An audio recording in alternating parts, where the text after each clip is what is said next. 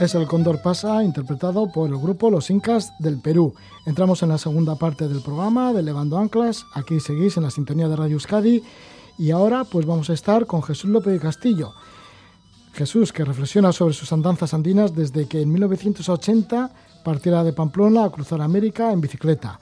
Ha recorrido a pie parte de la cordillera de Ecuador, Bolivia, Perú en 1997 inauguró el albergue Humboldt en Puerto Bermúdez, en la selva central del Perú, y ahí se ha quedado. Excepcionalmente vino a visitar a su familia y amigos a Navarra, su tierra de origen. Nos fuimos a su encuentro con una grabadora, emitimos una primera parte de una larga entrevista las pasadas navidades aquí en Levando Anclas y esta noche pues escucharemos un segundo capítulo. Y además de esto estaremos con Cristina Mendoza, ella es periodista y antropóloga, se fue a Armenia a buscar historias de abuelitos que le contaran cómo se vivía tras el genocidio ocurrido hace 100 años. Quería mostrar el testimonio de un pueblo superviviente y con el resultado ha escrito un libro que lleva el título de Heridas del Viento, Crónicas Armenias con manchas de jugo de Granada. Nos hablará Virginia Mendoza de esas historias que ha conocido en Armenia, pero ahora vamos a estar con Jesús López de Castillo, que va a seguir con sus andanzas andinas. Ahora nos va a comentar cuando fue detenido, secuestrado por los policías en Bolivia, de esto hace ya bastante tiempo, lo cuenta en uno de sus libros, y es que Jesús López de Castillo siempre ha vivido como muy intensamente. El presente para él ha sido, pues eso, como vivir casi al filo de, bueno, pues ahí entre la aventura, ¿no? Siempre como todo como muy, muy intenso, un presente muy al límite. Y esto es lo que Jesús nos cuenta de sus andanzas, para empezar, por Bolivia.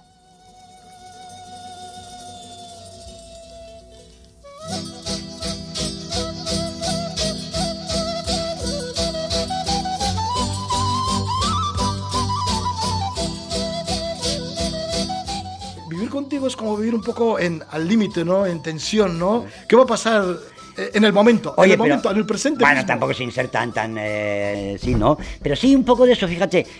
La, una vez, bueno, en, en, Bolivia, en mi segundo viaje, fui secuestrada. Yo fui a una comisaría a presentar una denuncia contra el comisario, pero sin saber que era el comisario, porque era Navidad. Y cuando llegas a la comisaría lleno de testigos, resulta que el comisario se puso los galones del traje de eso y era el coronel de la institución. ¡Puta madre! Me secuestraron. todo un rollo, está escrito en un capítulo del libro, ¿no? Pero después de mucho tiempo, casi como 12 o 13 meses, yo seguí viajando, salí. Salí por una frontera con garantías de la embajada, porque fue la embajada que me rescató de la cárcel y todo el rollo, ¿no? ¿Saliste de Bolivia? Salí, sí. Y ya pero yo no había terminado Bolivia, se me había quedado el alma de Bolivia, recorrer, pues no sé, la zona de eh, Chacabuco, por adentro, Sucre, adentro. Y una vez, mm, ya cuando estábamos por, no me acuerdo si por, eh, estaba viajando con un, con un, eh, con un inglés. Y este inglés, su burro se había despeñado en un precipicio, y yo lo encontré a 15 bajo ceros en Cabanaconde, que es, una, es un valle del Valle del Colca con un frío de puta madre, con una capa Mackintosh, es lo único que había, que era de su bisabuelo de la Primera Guerra Mundial, de 1907. Y su padre, o el padre o el abuelo de este, era de la Cámara de los Lores de, de Inglaterra, y estaba con una, con una flauta travesera, y me lo encontré allá. Y joder, ¿y qué haces aquí? ¿Y tú qué haces? Yo iba con mi mochila, pues sí, quiero hacer el camino del Colca, quiero ir a Cusco andando y tal, y no sé qué, no sé cuántos. Y, y dice, joder, ¿y tú? Pues se ha despeñado mi burro y me he quedado sin equipo y tal. Entonces yo, pues si quieres, vamos juntos un tiempo. Yo tenía suficiente equipo y tal. Bueno, pues me acompañó cuatro o cinco días a hacer el cañón del Colca. Y, dice, y yo, mientras tanto, le fui hablando del Paititi. ¿Te acuerdas del Paititi, el padre Polentini? que luego filmamos. La ciudad, perdida del Paititi. La ciudad perdida. yo le hablé porque tenía los mapas secretos. Yo tenía los mapas secretos auténticos, no copias, que me había dado el padre Polentini. A ver, pero ¿cómo un ingeniero se mete en una, en una apuesta tan romántica como era buscar la ciudad del Paititi que nadie la encontraba? pero además con pruebas, era, era una, como la isla del tesoro de Stevenson, o sea, tenía los planos allá que el padre Polentino había dado, había con una expedición de helicópteros, con el general de Sembasser y se habían atacado a los indios machiquengas, toda la historia. bueno, entonces, entonces yo le hablé a Mac de esto y dice, joder Jesús, entonces me voy al Cusco y voy a, voy a hablar con, eh, con, Inglaterra, con su país, era de Edimburgo, creo, era escocés. Entonces, los voy a mandar que me manden pues plata y voy a comprar equipo para que hagamos la expedición a buscar el Paitit. Y le digo, bueno, pues nos juntamos en Cusco dentro de tres meses, voy a completar mi travesía hasta Cusco. Y, para y cuando yo llego a Cusco, después de tres meses, todo el Cuzco sabía que íbamos a buscar a la expedición. los mapas no los sabían porque los tenía yo, ¿no? pero todo el mundo, porque había un café, el café literario en Cuzco, y él se había contado pues con holandeses, con ingleses, con no sé qué. Y dice, joder, que me voy con un español, con un vasco allá, un Jesús que está viniendo andando por los Andes y que nos vamos... Y al final seleccionamos a uno, a un austriaco, me acuerdo, y fuimos los tres.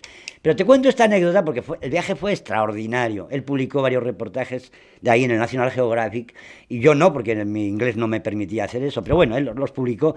Y después entramos, yo a, un murciano me había encontrado y le dije, mira, como vas a ir a la, a, la Paz, vete por la embajada y habla con el cónsul de allá y dile que yo estoy regresando para la Paz, que te explico un poco a ver si...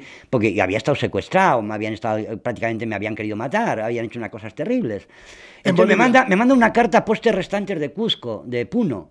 Y me dice, Jesús, he hablado con el con Pedro Llena, me acuerdo, del, era el cónsul, el canciller. Eh, que luego lo pidió traslado, no sé si a, Madagascar, porque vamos, también lo amenazaron.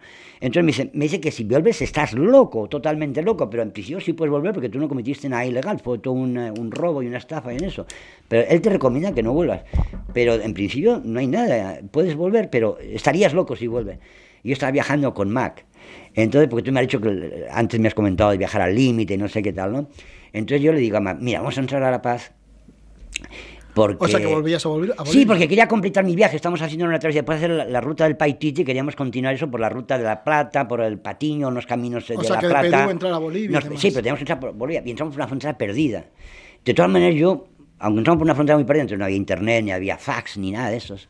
Pero de todas maneras, pues había radio, ¿no? Se comunicaban por radio. Estamos hablando del año 1984, sí. 87, 88, 86, 87, sí. Entonces, bueno, finalmente dije, yo también me voy a reportar en la agencia F y a la embajada. Y cuando llego a la, agencia F me dice, salieron a abrirme y el, me acuerdo del periodista, un tal Calvo, que luego fue destinado a Pakistán en la guerra de, en la guerra esta de la madre de todas las batallas, lo vi que estaba ya de corresponsal. A Entonces, a Irak. Entonces, así con silencio, con el dedo, y entonces yo digo que escucha, que habla y tal, me dice, ya oigo un sonido de la puerta y me dice, oye, anormal, anormal, pero ¿qué haces aquí? ¿Sabes quién ha salido por él? Digo, no sé. Cuatro tipos de, de inteligencia, de la policía de, de estos de, de, inteligencia que me estaban buscando, la Interpol. ¿En Bolivia? En Bolivia, pero hacía dos años que había salido, año y medio. Mira, ¿cómo saben que está aquí? Había entrado hace tres días. Te están buscando, a menos si eres colaborador de la agencia, saben que estás aquí. Y dice, anda, ya tienes que, bueno, eso está escrito en el libro, ¿no? Que tuve que ir a la embajada, me dieron, bueno, un rollo. Pero ahí lo bonito fue cuando yo regresé, perdí todo el día, me hicieron un nuevo pasaporte, me cambié de eso, de look, las gafas, me afeité, bueno, prácticamente me, me, hice un, eh, un camuflaje.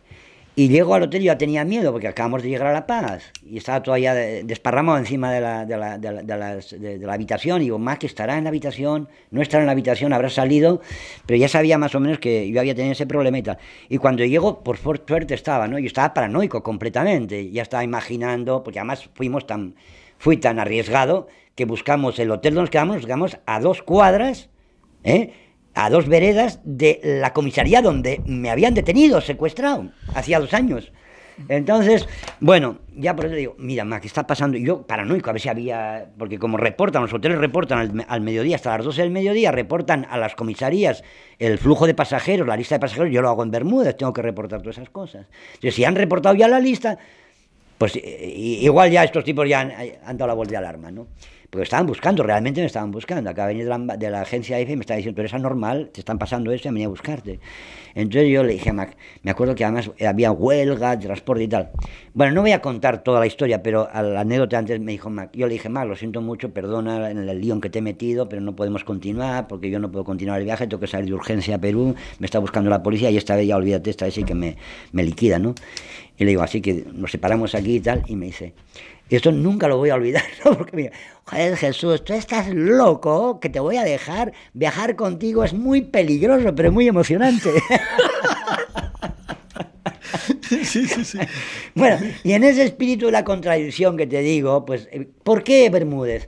Yo recuerdo que en mi idea nunca estuvo, nunca estuvo la selva. ¿Por qué te, has quedado en Bermúdez? La selva nunca estuvo en mí, me, fascina, la selva es fascinante, te, te, atrapa, o sea, llegas porque Bermúdez está perdido ahí en la selva. Te atrapa, porque un hombre que ama la naturaleza, que, que, de una manera fanática, yo me acuerdo que aquí en el pueblo, en cuanto en, Pamplona, en cuanto empezaba a nevar, salía con el paraguas a la calle en mi casa, me decía, vete afuera aquí si quieres ver nevar, y me quedaba toda la noche viendo nevar, o sea, siempre he sido un fanático de la, de la naturaleza, ¿no? Y sobre todo los fenómenos naturales, la lluvia, los truenos, el relámpago, la nevada, entonces la selva te atrapa, para una persona como era yo de de, tan, tan apasionado de la naturaleza, pues me atrapa por esas inmensidades, casi sin, sin civilización, sin ruidos, una naturaleza prístina, prácticamente estás caminando el precámbrico, el cámbrico, no sé, no hay dinosaurios, pero sabes que estás hollando un terreno donde de repente igual nadie lo oyó hace 400, 500, 700 años, ¿no? Entonces es fantástico, los celajes, los atardeceres, el paisaje de la selva está en, las, está en el suelo y está en el cielo, los cielos son increíbles, fantásticos, en un mismo horizonte siete tormentas a la vez, unos cumulonimbos gigantescos,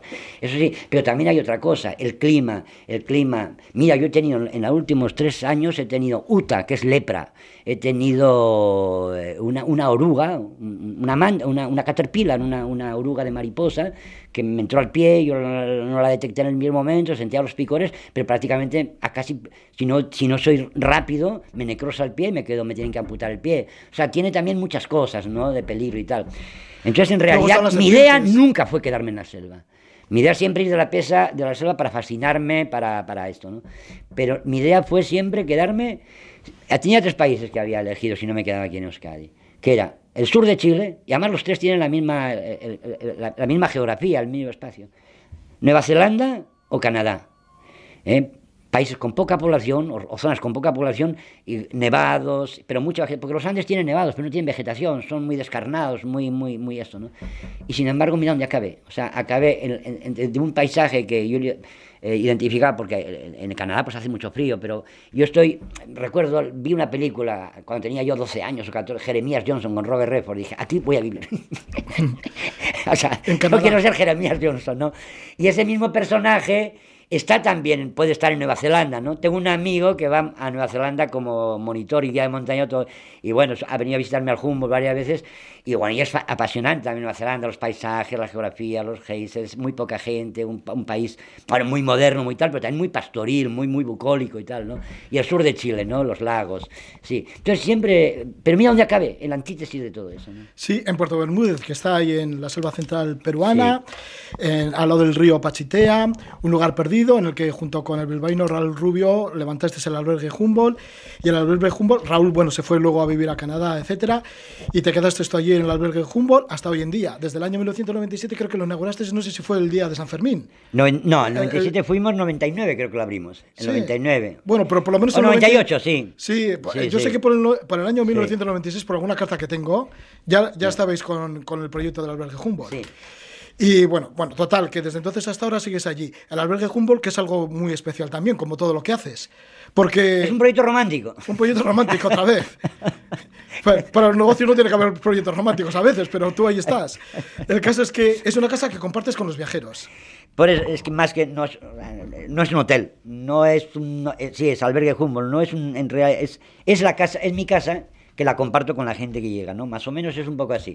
Obviamente eh, tiene unas tarifas, pero son tan modestas muchas veces que me dicen, joder Jesús, eh". bueno, en fin. Pero hablando de esto, antes te decía que, bueno, la idea de Canadá, por, por esa película de, de Robert Redford, el Gamar la he vuelto a ver, casualidad, hace poco se entonces la televisión aquí, estoy en Pamplona hace 40 días, ay va Dios, y estoy viendo a Robert, joder, esta película me acuerdo, me acordaba hasta dónde la había visto, fue tal el impacto que me hizo que me acordaba hasta dónde la había visto, la había visto en los cines de la Plaza de, de la Cruz, donde está Jiménez de Rada, Aquí había de San Javier, creo que era de los jesuitas. Yo tenía 14 años y me impactó esa, esa película de Jeremías Johnson. Yo recién he visto. Pues es que de alguna manera también el, el albergue Humboldt, bueno, Humboldt por, por, el naturalista, el explorador y científico y ingeniero eh, de minas, Alexander von Humboldt, ¿no? Pero también eh, Bermúdez por Fitzcarraldo que fue otra película, yo, me encanta la filmografía de Herzog, ¿no? Entonces, y hace poco, un amigo alemán, el gobierno alemán tiene unos programas para los jóvenes, entonces en vez de hacer servicio militar, hace una especie de servicio militar sustituyó servicio social, entonces eligen diferentes países, Y en Perú hay dos o tres proyectos que financia chavales jóvenes de 17, 18 años, y antes de entrar a la universidad hacen un año de servicio social sustitutorio. Entonces tienen diferentes proyectos. Hay un proyecto que está cerca de Bermúdez, en Osapampa, por ahí, y ellos tienen un proyecto donde eh, pues eh, enseñan a los jóvenes de recursos muy, muy escasos económicamente, claro, lógicamente gente muy humilde peruana, les enseñan, pues por ejemplo, pintura, eh, escultura, perdón, mecánica, electricidad, panadería, diferente, arquitectura, dibujo técnico, cosas prácticas para la vida, ¿no? Y estos chicos, muchos de ellos, bueno, a través de no sé qué historia, como albergue Humboldt, pues entonces, chequeando en la red no sé qué, vinieron y a partir de ahora estuvieron el Humboldt como una filial de esta, de esta ONG alemana, ¿no? Entonces todos los años pasan por allá, todos, todos. Y el último, que un, eh, eh, eh, no me acuerdo el nombre, Cristian creo. Entonces este mmm, estaba a visitarme hace poco, antes de cerrar, yo cerré el albergue, lo, lo he cerrado momentáneamente en julio. Entonces me trajo tres películas las de Fitzcarraldo, ¿no? eh, Fitzcarraldo, Aguirre y la cólera de Dios, Fitzcarraldo, Fitzcarraldo, perdón, de Herzog. Y entonces, una de las razones porque esto también aquí un poco es Fitzcarraldo, porque en la film, no sé si has visto el film Fitzcarraldo de Herzog, es una película, bueno, increíble, los paisajes, la naturaleza, y, es un poco pues una recreación de, de, de, la vida de, pues, de la utopía, de este señor Fitzcarraldo, una utopía, pues es un señor que hizo mucho dinero con el caucho y lo que hace, su obsesión y su pasión y su locura Eso. es traer a la orquesta, a toda, a toda, la, a, a toda la, de la escala de Milán, a toda la ópera con, eh, bueno... a Manaus. A Manaus, eh. Quito, sí. Y entonces, en, el, en, el, en, el, en la película de, de Fitzcarraldo, aparece Puerto Bermúdez, porque fue una zona importantísima del caucho. Yo me quedé tan fascinado. Y era una de las zonas más importantes, el Putumayo, el río Pachitea, donde estoy yo, y luego el río Manu, por ahí. Y uno, uno de los lugares donde más caucho salía era donde yo estaba. Y imagínate que luego yo monto el albergue y después porque yo me dedico a hacer viajes en la selva, caminatas. Y luego yo me he ido con, yo qué sé, pues con un grupo, tres holandeses, un alemán, un inglés, y nos hemos ido a caminar por seis, siete días a la selva y he encontrado y hemos pasado por arqueología, como uno cuando va aquí, yo qué sé, encuentra unos, yo qué sé, unos mosaicos romanos, ¿eh? Y encuentras ahí escarbando, escarbando una gruta y se encuentra, bueno, que no sea falsa, como esas de ahí, ¿no? Unos dibujos rupestres del, de la época del Cromañón o de Andertal. Caminando, caminando nos hemos encontrado y hemos encontrado en medio de la selva virgen unos árboles de mango que no crecen silvestremente. Ahí hubo un campamento cauchero en la época de, eh, de eh, en la época, bueno, eh, en el año 1800 eh, o 1790 o 1800, ¿no? Y hemos llegado ahí y hemos encontrado restos de los trapiches de, caña, alguna muela de moler alguna cosa, porque claro, el campamento también tenía alguna pequeña tecnología de, de, hierro y tal, ¿no?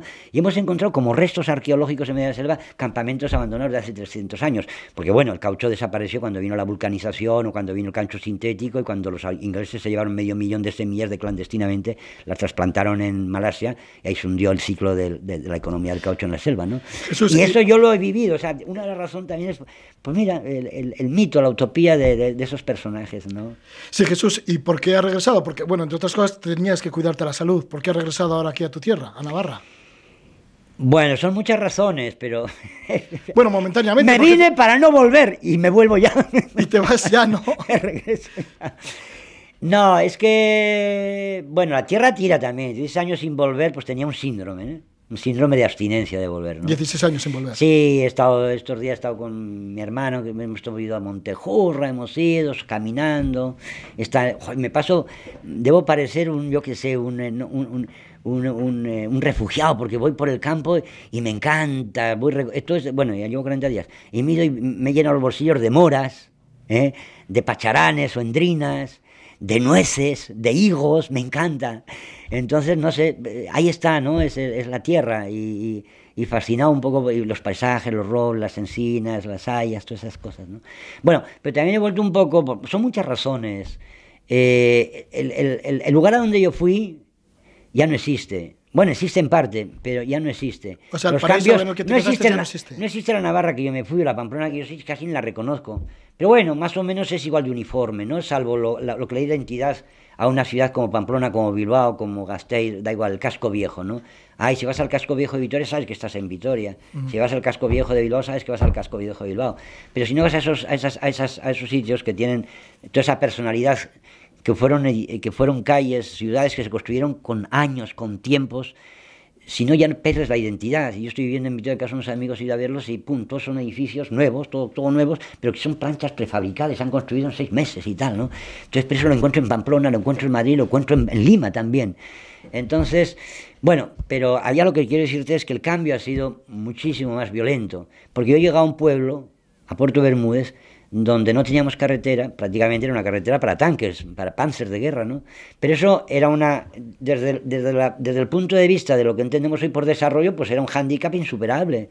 ¿Cómo puede haber desarrollo en un lugar donde no pueden entrar los carros ni nada, ¿no? Claro, porque si querías ir los de Lima- fletes, el transporte, o sea... Si querías ir de Lima a Puerto Bermúdez, Claro. había un momento que se paraba la carretera de asfalto Ya. y te tenías que tirar como casi un día Claro. Por, Entonces, por la selva. en- vis- todo eso analizando, por eso el, el padre de Raúl nos decía que éramos los románticos, que éramos unos empleados románticos. Entonces, eso, O sea, la analizando... carretera era malísima, era una Por pista eso, de barro. entonces, analizando desde una perspectiva, entre comillas, pues no sé, con una mentalidad capitalista, pues era una irracionalidad sin montar allá ningún negocio. Y efectivamente era. Pero nos hicimos con una idea romántica. Entonces yo le vi la parte buena de no tener carretera. ¿Cuál es la parte buena? Si tengo una carretera muy buena, va a llegar todo el mundo. Tú vas a Machu Picchu, Picchu es un lugar bonito, pero es un lugar deprimente hoy en día. Teotihuacán es un lugar muy hermoso, pero es un lugar deprimente. ¿Por qué?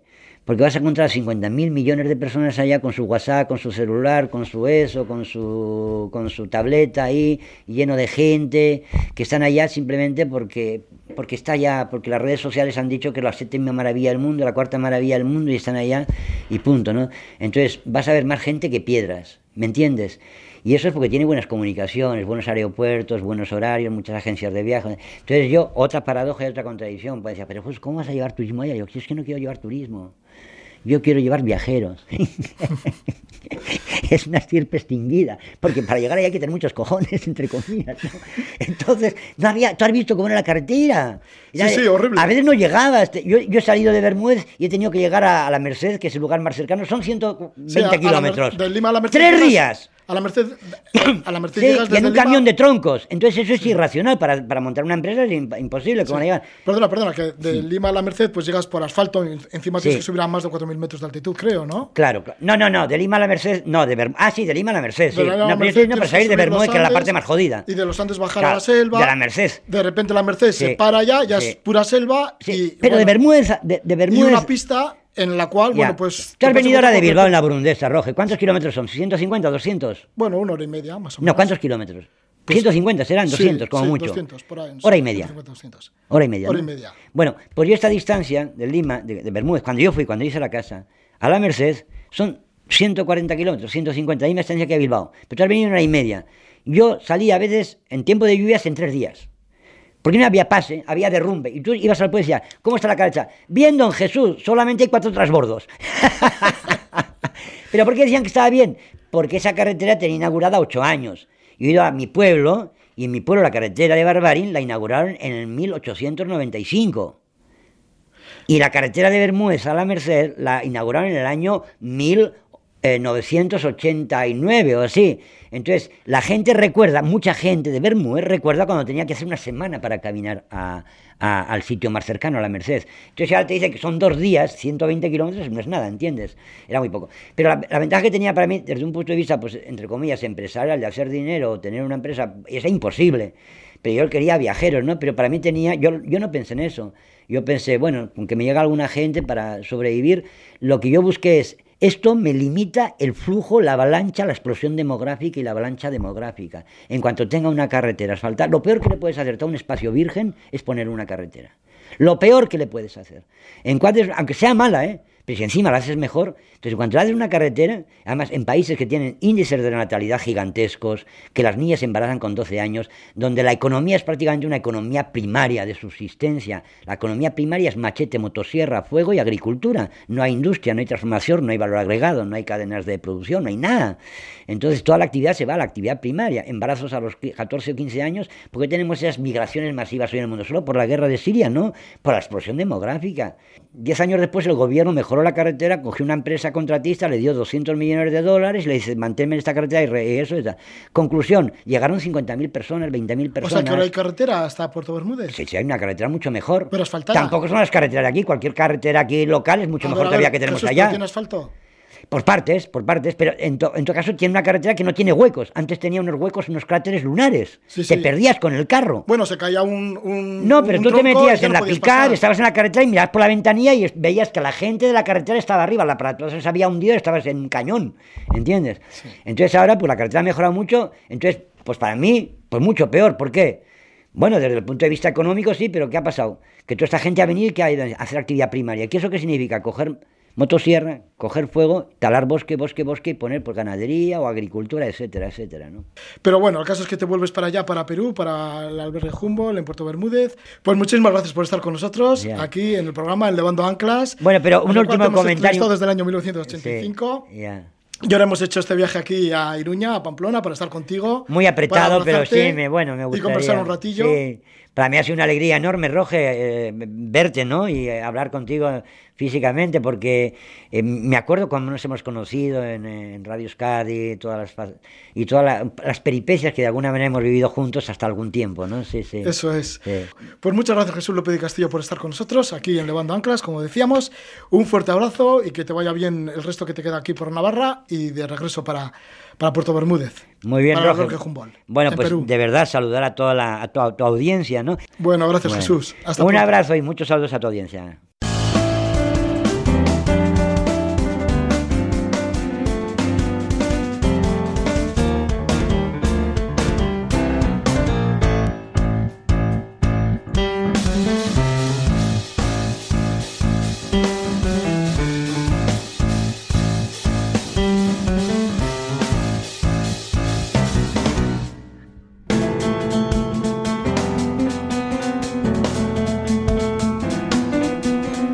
Música del pianista Tigran Hamasian. Él es armenio y es reconocido como uno de los grandes pianistas internacionales del momento en jazz.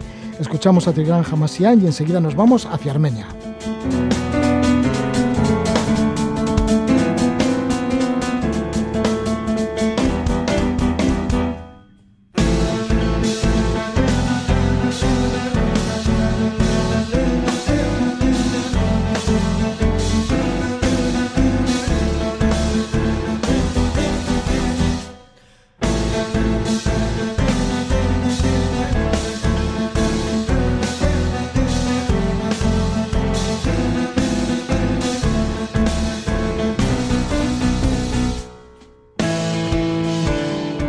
Contundente y energético, el piano de Tingran Hamasian. Nos vamos a Armenia y lo hacemos a través de Virginia Mendoza. Virginia es periodista, antropóloga, tiene 29 años, es manchega de Valdepeñas, vive en Benidorm y tiene un blog que lleva el título de Cuaderno Armenio. Es autora de un libro con el título de Heridas del Viento, Crónicas Armenias con manchas de juego de granada. Y nada, y estamos con Virginia Mendoza. Virginia, muy buenas noches. Buenas noches. Bien, esto de crónicas armenias con manchas de juego de granada, ¿qué pasa? ¿Que tomabas muchas granadas cuando hacías las crónicas? no, no, no tantas, la verdad. Pero miedo a, mancharme las manos y eso que luego, luego cuesta quitarlo. Ya, sí, sí. No, es realmente porque la granada es un, es un símbolo nacional armenia. Y bueno, tiene un montón de, significados, incluso forma parte de ciertas tradiciones como las bodas y demás. Pues como no sabía qué poner de subtítulo para aclarar que eran crónicas armenias, pues me apeteció meter eso ahí. El prólogo es del periodista donostiarra Ander Izaguirre. Parece ser que Ander Izaguirre te dio la idea, ¿no?, de irte hacia allí, hacia Armenia. Pues más o menos, más que darme la idea, simplemente que estábamos hablando y salió por ahí Armenia en la conversación no recuerdo ni cómo, pero ahí estaba y de repente, no sé, me, me llamó mucho la atención y me puse a buscar cosas. Y me quedé que decía, Armenia, Armenia, tengo que ir, tengo que ir. y bueno, me, me obsesioné y me, me acabé yendo. Así que tendré que, en parte, se lo, se lo debo a Ander, supongo. Sí, porque pensabas en principio irte a Sarajevo de voluntariado y finalmente terminaste en Armenia realizando un proyecto que te llevó un año. Sí, sí. Llevaba tiempo mirando un, un proyecto de voluntariado europeo y bueno, me interesaba Sarajevo principalmente y porque también había estado antes en Bosnia y bueno, pues me, apetecía pasar ahí una temporada, pero no sabía que Armenia también formaba parte de, de, este programa. Y después de hablar con Ander lo volví a mirar y de repente apareció, yo juraría que el año anterior no estaban ni Armenia ni Georgia en el programa, de repente había aparecido y bueno, en un centro de investigación intercultural necesitaban a, a un voluntario y, y ahí que probé probaste y en qué te, a qué te dedicaste durante todo el año. ¿Cuál fue ese proyecto? Bueno, entre otras cosas, ha surgido este libro, ¿no? Heridas del viento, crónicas armenias. Pero ¿a qué te dedicaste durante el año? Pues el proyecto en teoría era de investigación de minorías étnicas. Lo que pasa es que, bueno, pues a menudo este tipo de proyectos, pues no, no terminan de existir del todo. Lo bueno era que además de esto podías llevar un proyecto personal aparte. Entonces mi proyecto personal era como mínimo mantener ese blog escribiendo sobre Armenia porque me apetecía dar a conocer esa cultura, sobre todo después de llegar, porque la impresión de, es que ya la primera impresión fue impresionante, era una gente muy hospitalaria y me recordó también mucho a cuando yo era pequeña y, y vivía en Torrinches, un pueblecito de Ciudad Real, me sentí como si hubiese vuelto a mi infancia, entonces de pronto dije, es que no sabemos nada de Armenia y en el fondo nos parecemos más de lo que, de lo que creemos. De hecho, en, en Armenia ha habido mucha gente que ha venido directamente y me ha preguntado si soy vasca. No sé por qué, porque aquí mucha gente me, me suele decir que tengo, que tengo rasgos de, de vasca, pero en Armenia me impresionaba muchísimo y es que en, en Armenia están muy familiarizados con el pueblo vasco y además los tienen muchísimo cariño porque tienen la manía de que, bueno, de hecho dicen que es que sois primos.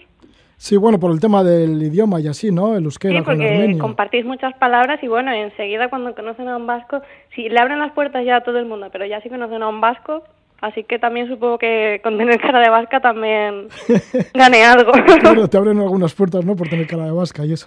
Fíjate, sí. y eso que eres manchega, pero bueno, ahí estabas, ¿no? Y el sí, caso para es que... colmo es que llevaba unos pendientes de la Uburu, además. Ah, mira. Imagino sí. que también hizo algo. Sí, sí. Y el caso es que, claro, esa primera impresión de la gente tan hospitalaria y esto es lo que te llevó a, durante un año, pues a entrevistarte con mucha gente, sobre todo con abuelitos, ¿no? Con ancianos. Sí, sí, sobre todo con abuelitos. Yo pues lo que hacía es que, bueno, a medida que iba viendo que el proyecto realmente no existía, pues me centré más en, en mi proyecto personal y lo que iba a hacer más en ratos libres de fuera de la oficina, digamos, acabó convirtiéndose en lo que hacía pues a diario prácticamente entonces, pues iba viajando, iba pues buscando historias por ahí también no solo no era solo el ir a las aldeas y a ver qué encontraba, muchas veces también pues cuando conocía a alguien, pues enseguida preguntaba a todo el mundo si tenía un abuelo, una abuela, un tío, lo que fuese que que me pudiese contar alguna historia interesante del tipo que de las que a mí me interesaban. ¿Cuáles eran estas historias que tanto te interesaban sobre los armenios? Pues yo lo que quería mostrar era sobre todo un, pueblo superviviente. Entonces, me interesaba mucho historias de, de, gente mayor sobre todo porque siempre he pensado que son los que los que más tienen que contar y también que son los que más han vivido pero la parte que me interesaba era que en, aquí es que aquí realmente lo único que conocemos de Armenia es que hace 100 años sufrió un genocidio pero mmm, hasta que no vas ahí es raro que que sepamos algo más. Mucho tendría que, que interesarte o, o no sé o enamorarte como como me pasó a mí de repente. Entonces, pues eh, yo lo que quería era eh, ir un poco más allá, no, no escribir un libro sobre el genocidio, porque además eso ya se ha escrito, hay muchos libros de historia, hay muchos ensayos, y para quien quiera conocer el genocidio armenio eso ya existe. Yo lo que quería era contar cómo vive ese pueblo y sobre todo centrarme en, en esas, historias de supervivencia que normalmente pues suelen partir de obsesiones personales. ¿Y cuáles son esas obsesiones? ¿Qué tipo de historias has encontrado? Claro, todo ellas de personas anónimas, ¿no? Sí, mayormente sí. Hay, bueno, hay algunos que son pues el típico personaje que todo el mundo conoce en su pueblo o en su barrio, pero que al fin y al cabo que tampoco son personas famosas y muchos de ellos pues son pues eso, el tío, el primo, el abuelo de una amiga. Eh, por ejemplo, una de las que más me marcó eh, fue la de, la de un señor que, bueno, eh, él vivía en una aldea cercana a Yerevan y allí en invierno pues se quedan muy aislados por la nieve. Además, pues eh, se avecinaba un invierno de hambruna, su mujer compró una barbaridad de patatas que ni siquiera le cabían en la cocina para poder sobrevivir al invierno, ¿no? Cuando se quedasen ahí aislados. Y claro, como no tenía espacio, pues le pidió que le hiciera un, un hueco donde fuese en la casa, que fuese amplio y, fresco. Y empezó a picar en el suelo de la cocina, pero el hombre empezó a emocionarse y siguió y siguió y siguió y siguió. Al final se pasó casi 30 años durmiendo tres horas al día y casi sin comer. Tenían que bajarle la comida porque ni siquiera se acordaba de subir a comer. Estuvo pues excavando un, un templo subterráneo eh, una inmensidad de 21 metros de profundidad, escaleras de caracol, un montón de galerías, todo tipo de detalles. ¿Y estuviste en ese templo subterráneo? ¿Bajaste hasta allí? Sí. Sí, porque, porque incluso tiene un altar allí mismamente, ¿no? en la profundidad. Mm, era, lo, que, lo que te quería comentar. Cuando llegas al final hay una especie de altarcito que lo llaman el sitio de los deseos y hay mucha gente que vaya a pedir deseos y bueno, dicen que se les ha cumplido. Hay tanta gente que lo dice que lo acabaron investigando y bueno, llegaron a la conclusión de que era un punto magnético, como donde se suelen construir iglesias y cementerios y demás. Este señor que puso tanto interés en hacer ese agujero para guardar las patatas y luego pues excavó hasta 21 metros de profundidad, incluso realizando galerías, creo que también tiene columnas talladas y ese mismo altar, ¿esa persona todavía, todavía vive? No, este es, es el único de, de todos los que aparecen en el libro, es el único con el que no pude hablar porque había muerto un par de años antes. Pero bueno, aún así, pues comentándolo con su nieta, me, ya me decía, mi abuela te lo puede contar todo. Y yo, bueno, pero como a mí lo que me habría gustado sería haber hablado con él y eso es imposible. Si tu abuela tiene está directamente implicada en esto, pues sí que podríamos hablar con ella. Y me dijo, claro que sí. Y bueno, ella no me quiso decir de qué iba la cosa realmente hasta que llegamos. Ya cuando llegamos, abuela pues me empezó a contarle de que le había pedido el hueco para las patatas y demás. Así que es, es su mujer y, la nieta los que los que acabaron contándole la historia. Sí, me habría encantado conocerlo, fue, fue una pena. Pero bueno, pensé que, que merecía la pena, que no podía descartar la historia solo porque no hubiese podido llegar a hablar con, con él. Y además, bueno, pues era de todos ellos era el único con el que no con el que no pude hablar personalmente. Ya, una buena historia. Se lo tomó muy en serio esto de excavar, de hacer un agujero para guardar las patatas para el invierno. Bien, otra persona con la que sí ya te entrevistaste también tenía una historia curiosa, ¿no? Un armenio que vivió en Estados Unidos y que se fue a cuidar a su madre Armenia y luego se dedicaba a patinar más que a caminar. este señor eh, está siempre por el centro de Yerevan con patines de hecho, nuestra primera toma de contacto fue un momento en el que casi me atropella pasando por un paso de cebra. Y la gente, cuando yo preguntaba por así, gente interesante, me decían, ¿por qué no intentas hablar con el nombre de los patines? Que seguro que tiene algo que contar y nadie sabe nada de él. Porque era un nombre que nadie ni siquiera pensaba que fuese armenio. Porque lo veían siempre para arriba, para abajo, con los patines, lanzadísimo. Y tampoco le veían hablar con nadie. El caso es que sí que se relaciona con todos los niños y todos los jóvenes, pero la gente realmente no, no sabe nada de su vida. Entonces, a menudo me dijeron, este hombre tiene que tener una historia curiosa, seguro, pero es que ya ese hombre al que veía todo el mundo no le veía por ningún sitio, hasta ese día en el que casi me atropella. Y bueno, mm, mis amigas acabaron sorprendidas cuando descubrieron que de hecho era armenio, porque nadie pensaba ni siquiera que fuese armenio, no tiene tampoco rasgos de armenio ni nada. Este hombre estuvo muchos años viviendo en, en Estados Unidos, allí era millonario, tenía su familia y demás, pero vino aquí a cuidar, volvió a Armenia a cuidar a su mujer cuando, perdona, a su madre cuando estaba ya a punto de morir y cuando la madre falleció pues ya, ya no volvió. Dejó ahí a su familia, además es que lo, lo dejó todo y ahora pues vive con sus patines para arriba y para abajo. No conozco a nadie que le haya visto nunca caminando, siempre va con, con los patines y bueno, pues se ha, se ha ido haciendo como una especie de místico. Bueno, conoció personalmente a Osho, lee muchísimo a Gurdjieff, escribe poesía mentalmente, también compone, canta, personaje bastante bastante interesante y bueno, pues en, en esa vida humilde que lleva, pues tampoco lo dijo, no sé si será verdad o no, pero lo que dice todo el mundo en Armenia es que este hombre toda esa riqueza realmente la, la donó, la destinó a causas sociales en Armenia.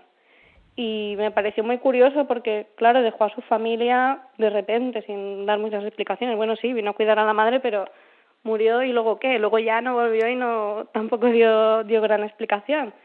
y él decía que no se había divorciado, que él simplemente estaba ahí y el tiempo pasaba.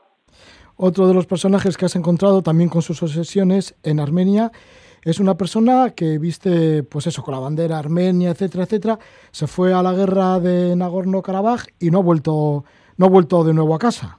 No ha vuelto, no ha vuelto. Él va, va por la calle como alerta, esperando que salta una revolución o algo así cuando hablé con él me repetía muchísimo que llevaba 26, bueno, ahora ya 28 años sin dormir con su mujer y lo decía muy orgulloso. Cada vez que le preguntaba por qué, me daba una razón distinta. Me decía, no, es que he estado leyendo poesía.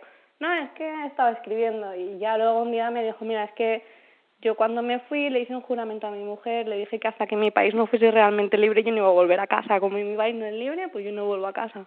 ¿Y entonces no vuelvo a casa? la gran excusa es como el, el, irse a comprar tabaco por excelencia y no volver.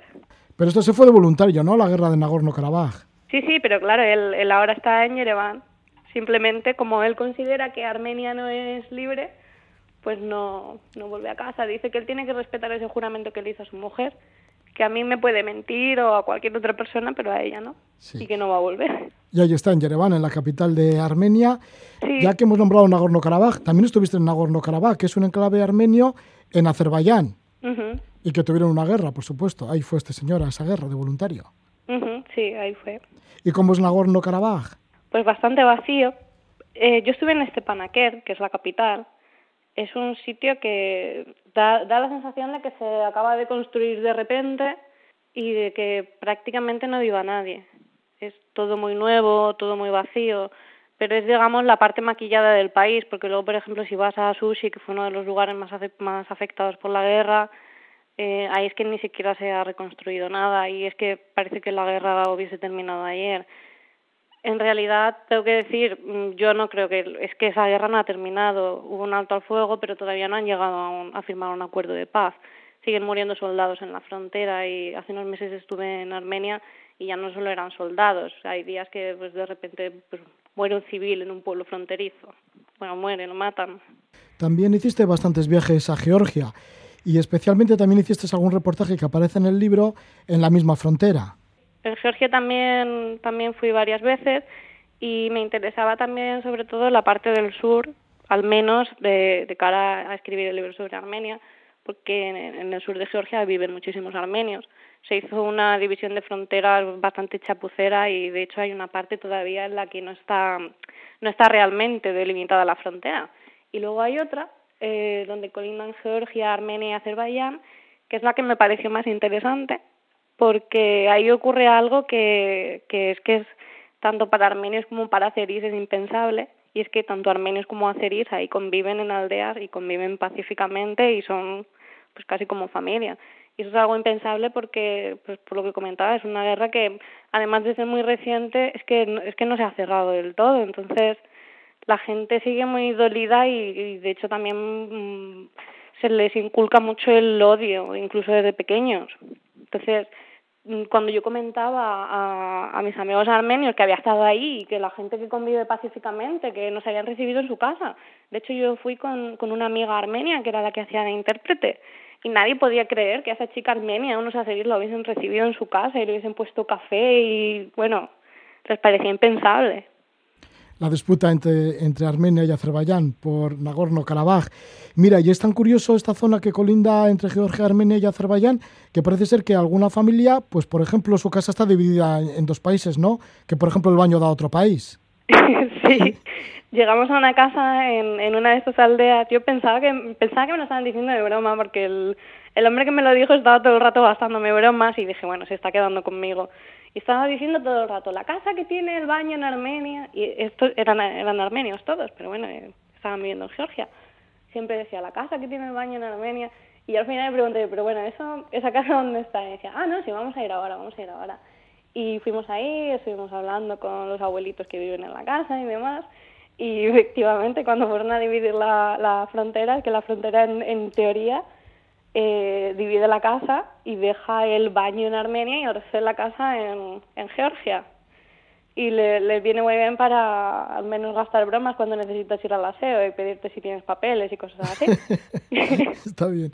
Mira, bueno, pues estas son algunas de las historias que aparecen en tu libro, Heridas del Viento, Crónicas Armenias con manchas de jugo de Granada. Estamos con su autora, con Virginia Mendoza, que es periodista y antropóloga. Tuvo la oportunidad de vivir durante un año en Armenia, viajó por Armenia, por Georgia, por Nagorno-Karabaj, incluso una vez que has escrito el libro has vuelto de regreso por, por la zona. Me imagino que has dejado muchos, muchos amigos por allí. Sí, sí, bastante. De hecho, es que cuando terminó, cuando terminé ese año de supuesto voluntariado, eh, yo luego volví y me quedé medio año más para seguir recopilando algunas historias que, que habían quedado ahí en el tintero y que necesitaba para terminar el libro, para, por lo menos para terminarlo como yo quería. Entonces estuve medio año más y luego pues tenía otros temas pensados para los que pues, no les encontraba cabida en el libro, pero, pero los quería escribir. Entonces, eh, después, como intento volver al menos una vez al año a Armenia, pues hace unos meses estuve y ya pude, ya pude ir haciendo esos reportajes. Y bueno, seguiré volviendo y mientras pueda seguir recopilando ese tipo de historias, incluso las que hay en el libro, pues aunque sea para mantener el blog y también por amor a Armenia, pues lo seguiré haciendo. En el libro también incluyes las minorías étnicas, por lo menos dos minorías étnicas con las que estuviste. Por ejemplo, con los yazidís, en las que estuviste en las montañas conviviendo con ellos durante cinco días. Sí, estuve con los yazidís y con, y con los malacanes. Eh, los yazidís son eh, han tenido que huir de, de, países musulmanes porque se les ha perseguido desde siempre, no solo ahora, ahora es cuando escuchamos su nombre en las noticias, pero se les ha perseguido desde siempre porque se les considera una secta satánica porque ellos rezan a un pavo real y ese pavo real representa al ángel caído. Entonces, para cristianos Satanás, para otros Lucifer, se les ha dado esa aura de secta satánica y demás, pero para nada. Yo estuve con ellos cinco días en la montaña y creo que no me reí tanto en todo el tiempo que estuve ahí. Es más, eh, tengo que decirte que te va a interesar. Lo primero que me preguntaron cuando llegué, y fíjate que eran nómadas viviendo en la montaña, prácticamente aislados en sus tiendas, lo primero que me preguntaron fue que cómo iba el Athletic de Bilbao. Sí, sí, allí están muy están muy al día de lo que de lo que pasa de lo que pasa en el fútbol a nivel internacional, pero con lo del Athletic de Bilbao ya me dejaron alucinando.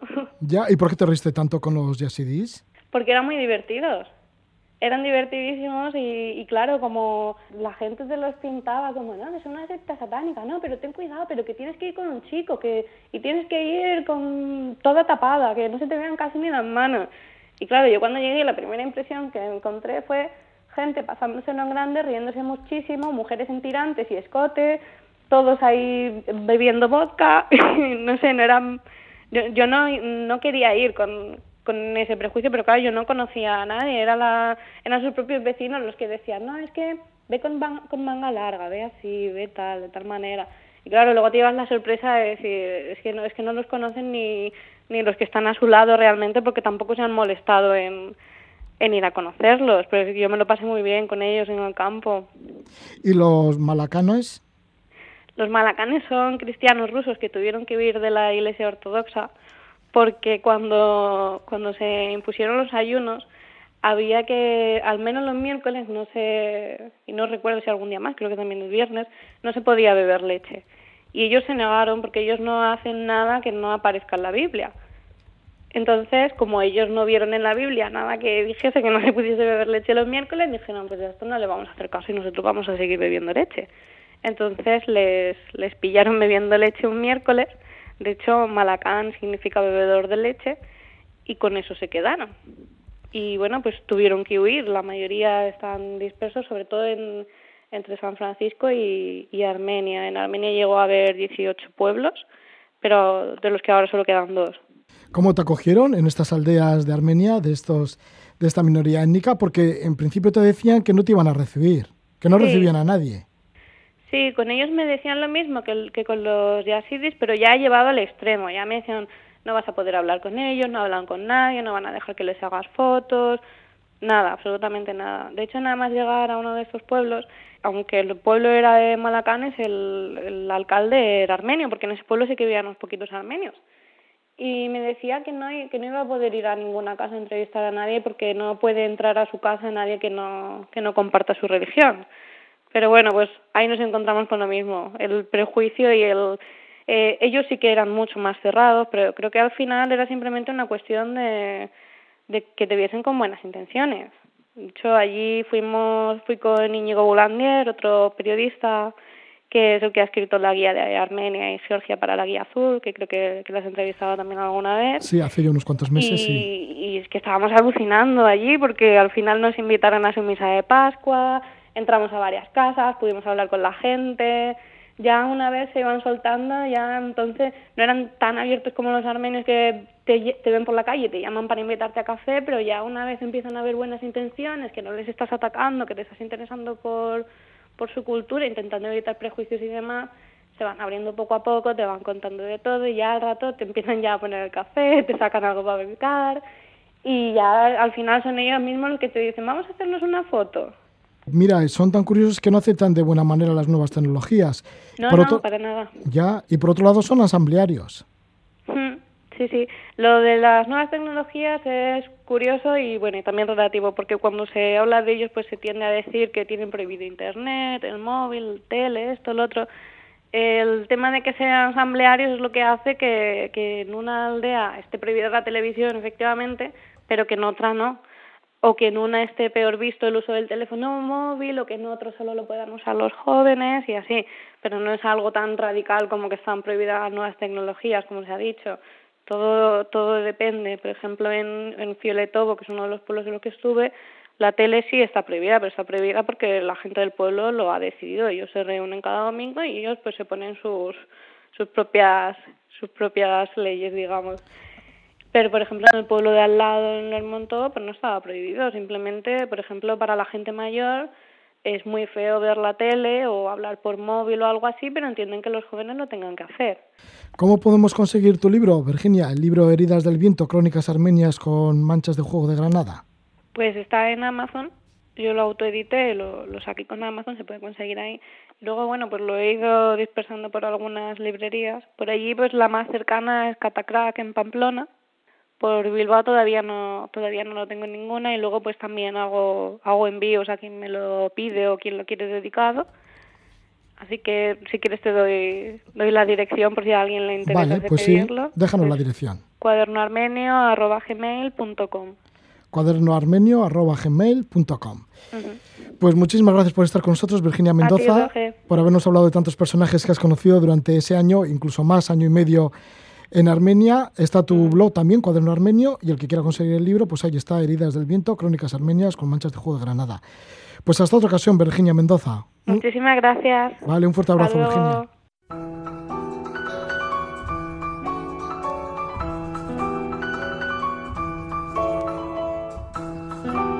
Virginia Mendoza nos ha transmitido sus cuadernos armenios. Terminamos el programa de Levando Anclas con el rock del grupo británico de The Panacea Movement. Feliz noche, dulces sueños.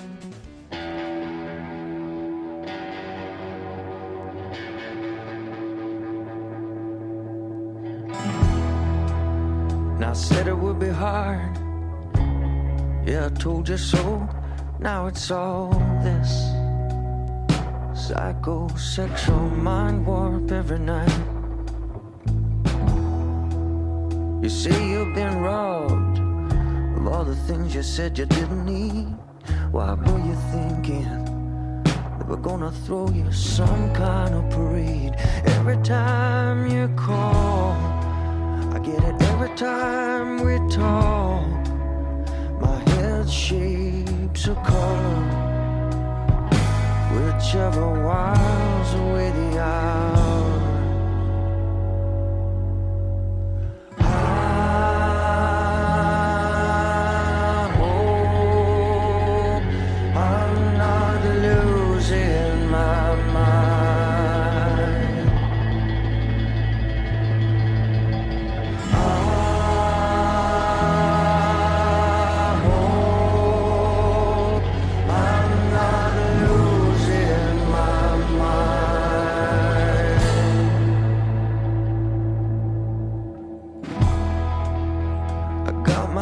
Up good and strong and blind. Saw you at full street, and it brought me right down, right down.